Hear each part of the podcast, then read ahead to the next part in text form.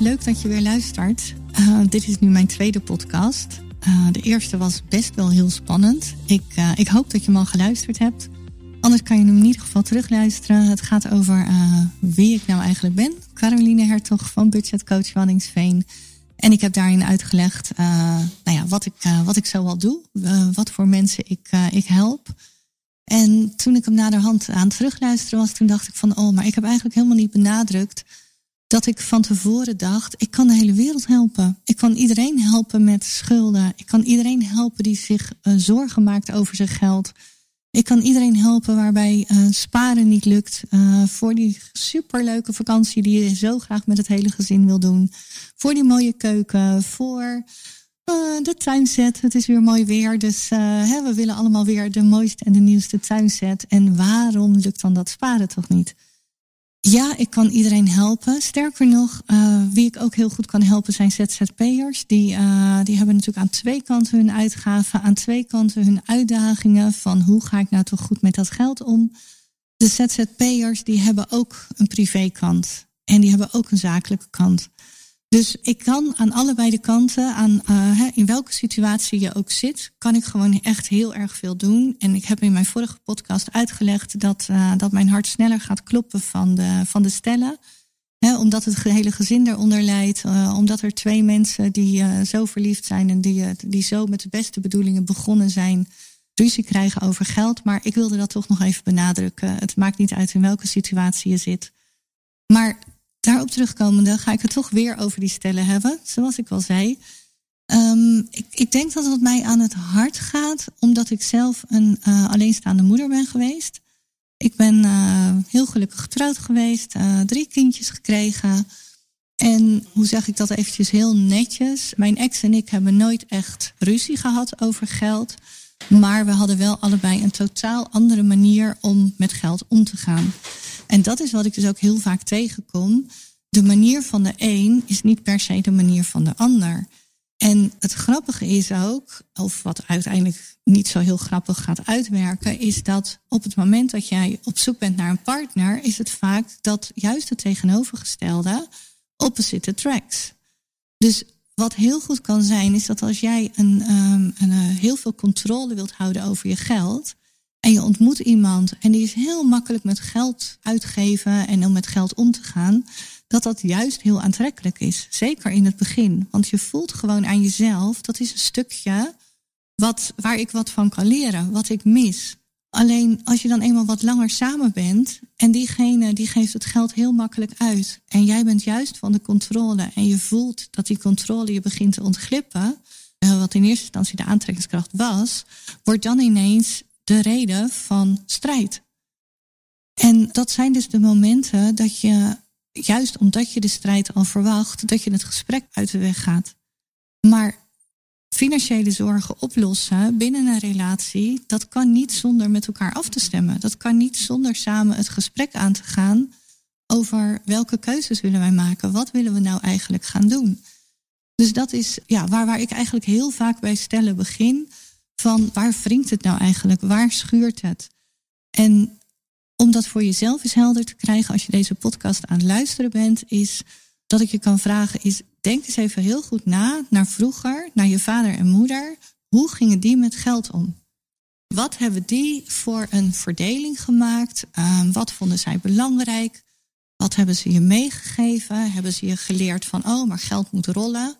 En ben jij daardoor heel makkelijk met geld? Of hebben ze je heel erg uitgelegd van, um, ja, als je voor een dubbeltje geboren bent, zal je nooit een kwartje worden. Of geld kan je maar één keer uitgeven.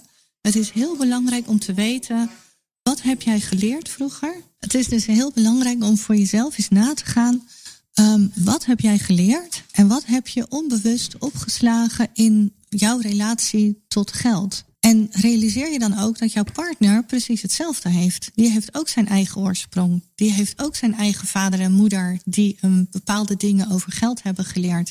Als ik dan eens bijvoorbeeld uit, of even inzoom in hoe dat bij mij vroeger was. Mijn vader was zelfstandig ondernemer. Dat impliceerde bij mijn ouders dat mijn vader de financiën deed. Um, zowel zakelijk als privé. En mijn vader dus altijd precies wist, hey, dit komt erin, dat kan eruit. En die was daar dus ook heel strikt in. Mijn moeder, misschien is dat ook wel een beetje de, het rolmodel van vroeger nog. Het zijn inmiddels tachtigers, dus dan weet je een beetje over welke tijd ik spreek.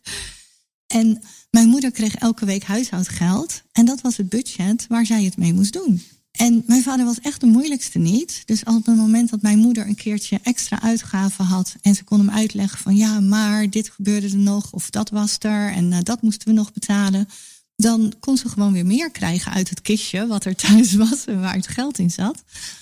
Maar dat kader van mijn vader, van dit is het geld waar je het mee moet doen, en mijn moeder, de inventiviteit en, en de dingen die zij dan weer binnen dat budget kon doen. En daar altijd weer een sport in zag om daar weer wat geld van over te houden. En wat ze dan weer apart legde. Ik weet niet wie er luistert, maar je kent misschien ook nog wel dat je vroeger de Albert Heijn boekjes had. Mijn moeder was daar dus een vervent spaarder van. Die plakte de uh, stickertjes, daar betaalde je toen de tijd volgens mij een 10 cent voor. En al die stickertjes werden geplakt en die boekjes die werden vol. En het volgende boekje kwam en het volgende boekje kwam. En als ze dan vier, vijf boekjes had, dan ging ze ermee naar de directie van de Albert Heijn. En dan wisselde ze ze in.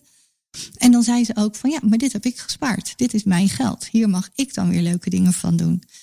Dus, um, en, en ja, ik, ik herinner me vooral dat mijn moeder er altijd een sport van maakte om zoveel mogelijk leuke dingen te doen binnen het budget wat er was. En dat herken ik dus ook weer bij mezelf. Ik ben precies zo. Ik maak voor mijzelf de kaders. Wat, welke budgetten heb ik? Ik heb echt een bestedingsplan voor het een en voor het ander. En hoe ga ik daar dan mee om binnen het bestedingsplan van bijvoorbeeld de vakantie of van de auto? Of, nou ja, ik ga hier niet benoemen welke potjes ik allemaal heb, maar het is wel wat ik dus nog steeds doe. Dus denk voor jezelf eens na, hoe was dat bij jou? Uit welke hoek kom je? En uh, lijk je dan meer op je vader? Lijk je dan meer op je moeder? En ga gewoon samen eens het gesprek aan. Dat is misschien een hele laagdrempelige manier om samen eens te praten over waar kom je nou vandaan? Wat dan ook een, een struikelblok is, wat ik regelmatig tegenkom, is dat het gewoon dat, dat stellen elkaar niet meer begrijpen. En waar dat veel mee te maken heeft, is dat voor sommige mensen uh, geld. Ja, laat, laat ik beginnen met te zeggen: geld is niet zomaar geld. De manier waarop je met geld omgaat, dat zegt iets over jouw persoonlijkheid. Dat zegt iets over jou. Dat is iets wat bij jou hoort. Je hebt het idee dat, dat, dat je dat nodig hebt. Dus op het moment dat een partner commentaar heeft op hoe jij je geld uitgeeft, dan voelt het als een aanval op wie jij bent. Op wat jij doet, op waar jij voor staat, op en dat is wat ik, waar ik eigenlijk naartoe wilde, op wat jij verwacht, wat jij wil bereiken.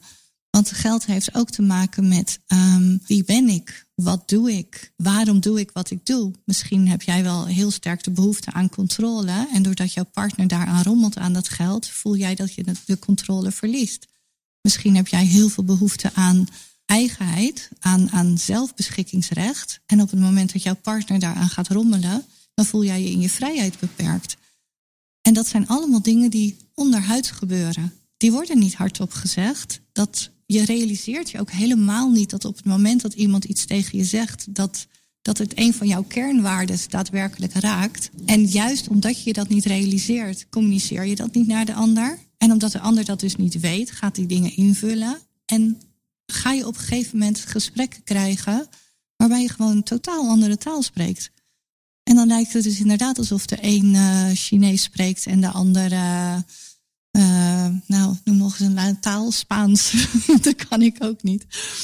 Dus ja, en, en wat denk ik heel belangrijk is voor, voor heel veel stellen is, ga samen eens onderzoeken waar komt nou dat verschil vandaan. Want dan heb je het dus wel over geld, maar op een heel ander niveau, op een heel ander vlak dan, ja, maar jij geeft altijd dit uit, of ja, maar jij koopt altijd dat, of dan ga je echt zoeken naar, maar waar komt dat nou vandaan? En waar heb jij dan behoefte aan? En hoe kunnen we dat dan samen vormgeven? En kom je er niet samen uit, vraag dan of een onafhankelijke derde met jullie mee wil luisteren. Wat ik me ook wel realiseer is dat um, mensen altijd het idee hebben, en misschien herken je dat ook wel, dat je de enige bent die samen ruzie heeft of problemen heeft over geld. De mensen om ons heen die praten daar ook niet over. Uh, we willen helemaal die vuile was niet buiten hangen. We willen dat het er aan de buitenkant allemaal goed uitziet. Maar realiseer je dat 40% van de stellen, dat was in een onderzoek van het Nibud in 2018, 40% van de stellen heeft gewoon regelmatig ruzie over geld. 1 op de 5 stellen, daar leidt de relatie echt onder geldstress. En wat ik ook altijd vraag aan mijn klanten en wat ze zich absoluut niet kunnen voorstellen is hoeveel mensen, hoeveel huishoudens betalingsproblemen hebben, betalingsachterstanden hebben. En dan heb ik het niet per se over zware problematische schulden. Maar dan heb ik het over gewoon een rekening deze maand niet kunnen betalen. Of uh, drie rekeningen deze maand niet kunnen betalen. En dan maar even doorschuiven naar volgende, volgende maand. En dat is ook één op de vijf. Oftewel, kijk eens om je heen. We wonen allemaal in een straat met mensen die we, hè, die, waar we een bepaald beeld van hebben aan de buitenkant. Uh, we hebben allemaal collega's. We hebben allemaal uh, verjaardagen waar we komen. Gelukkig mag dat weer in deze tijd, na corona. En realiseer je gewoon eens dat als jij daar zit en je, maakt, je hebt financiële zorgen, dat je niet de enige bent. Dat er om jou heen waarschijnlijk nog één, twee, misschien wel drie stellen zitten. En natuurlijk realiseer ik me dat in sommige wijken van Rotterdam wonen veel meer mensen met financiële zorgen dan, nou ja, noem het eens, hier in Reewijk of, uh, nou ja.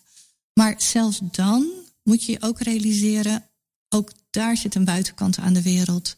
Wie weet hoe hard die mensen moeten werken. Ik vraag me wel eens af, waarom zitten de mensen in van die hele mooie huizen nooit buiten in de tuin als ik daar langs fiets op mijn fietsje. En dan denk ik wel eens van ja, maar misschien zijn die wel zo hard aan het werk om te kunnen betalen voor het leven wat ze leiden.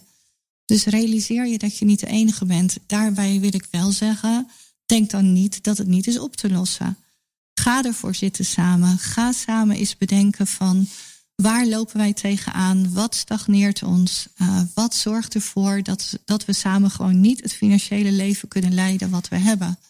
En kom je er samen uit? Nou ja, super natuurlijk, helemaal fantastisch.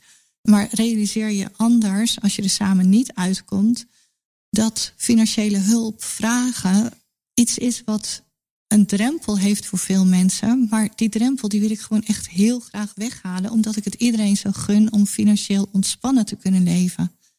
En waarom zouden we wel een diëtiste inhuren op het moment dat we met onze voeding strukkelen? Waarom een personal trainer op het moment dat we wel willen sporten, maar we het niet kunnen opbrengen? En waarom geen budgetcoach om je te leren hoe je op zo'n manier met geld om kan gaan, zodat het wel lukt en dat je samen weer wel blij kan zijn. En dat geld geen reden is meer voor ruzie, maar dat je gewoon weer samen op één lijn zit. Dus net zo goed als dat je wel investeert in de diëtiste en in de personal trainer, uh, denk er eens over na om te investeren in je eigen financiële toekomst. Het, het maakt het leven gewoon vele malen makkelijker. En ik zal er nog wel eens een aparte podcast over opnemen. Maar tuurlijk kost een budgetcoach geld. Uh, dat ga ik zeker niet ontkennen. Maar ik kan je ook verzekeren dat ik mezelf in drie tot vier maanden gewoon terugverdien. Sowieso al in mentale rust. Op het moment dat je weet dat je er niet langer alleen voor staat. Dat je niet langer met z'n tweeën maar iets hoeft te doen en aan te modderen. En, en er samen eigenlijk niet veel wijzer van wordt. Maar ook gewoon omdat we allemaal geldlekken hebben. We hebben allemaal dingen die we uitgeven waar we eigenlijk te weinig van realiseren dat daar geld naartoe gaat. We hebben allemaal, ja, er ligt bij iedereen oplossingen om gewoon geld te besparen. Dus wat ik je wil meegeven is, maak je je zorgen. Uh, lig je er wel eens wakker van? Uh, hebben jullie wel eens tegenover elkaar gestaan en hebben jullie lopen schreeuwen dat het zo echt niet langer kan? Twijfel dan gewoon niet en um, schakel eens een budgetcoach in. Ik kom gratis langs. Ik kom uh, het eerste half uur, drie kwartier met jullie meepraten, tips geven. Woon je ergens anders en, en weet je gewoon dat er een budgetcoach in de buurt woont, ook helemaal goed. Maar weet gewoon dat je het niet alleen hoeft te doen. We hebben gewoon zeker in het verleden geen goede financiële opvoeding gehad. We doen het met de kennis die we hadden van onze ouders. En die hebben allemaal hun uiterste best gedaan, dat weet ik zeker. Maar ja, wat heb je ermee gedaan? Wat heb je ervan opgestoken? Uh, wie ben je nog meer tegengekomen? We hebben allemaal onze eigen manier, maar weet dat, uh, dat er heel veel manieren zijn, maar dat er een paar basisprincipes zijn. Nou ja, ik denk dat ik zo wel even, even genoeg heb verteld over de reden en de manier van uh, dat stellen ruzie maken. Ik hoop dat jullie er weer wat aan gehad hebben. Vond je dit nou een interessante podcast? Stuur hem door naar vrienden. Uh, laat anderen ook weten dat, dat ik deze podcast maak. Ik ga het over allerlei onderwerpen hebben. Uh, ik ga tips delen, maar wat ik vooral zelf altijd heel interessant vind, dat is echt het mentale stukje, het psychologische stukje erachter omdat ik denk dat daar gewoon heel veel te winnen is. Iets wat je ook samen alvast eh, mee zou kunnen starten. Deel de podcast, uh, geef een like, neem contact met me op. Ik help je heel graag. Je kan me ook volgen op Instagram op budgetcoach Wanningsveen. Ik, uh, ik zou het leuk vinden om je te helpen, om tips te geven. Laat, laat het achter en nou, tot de volgende podcast.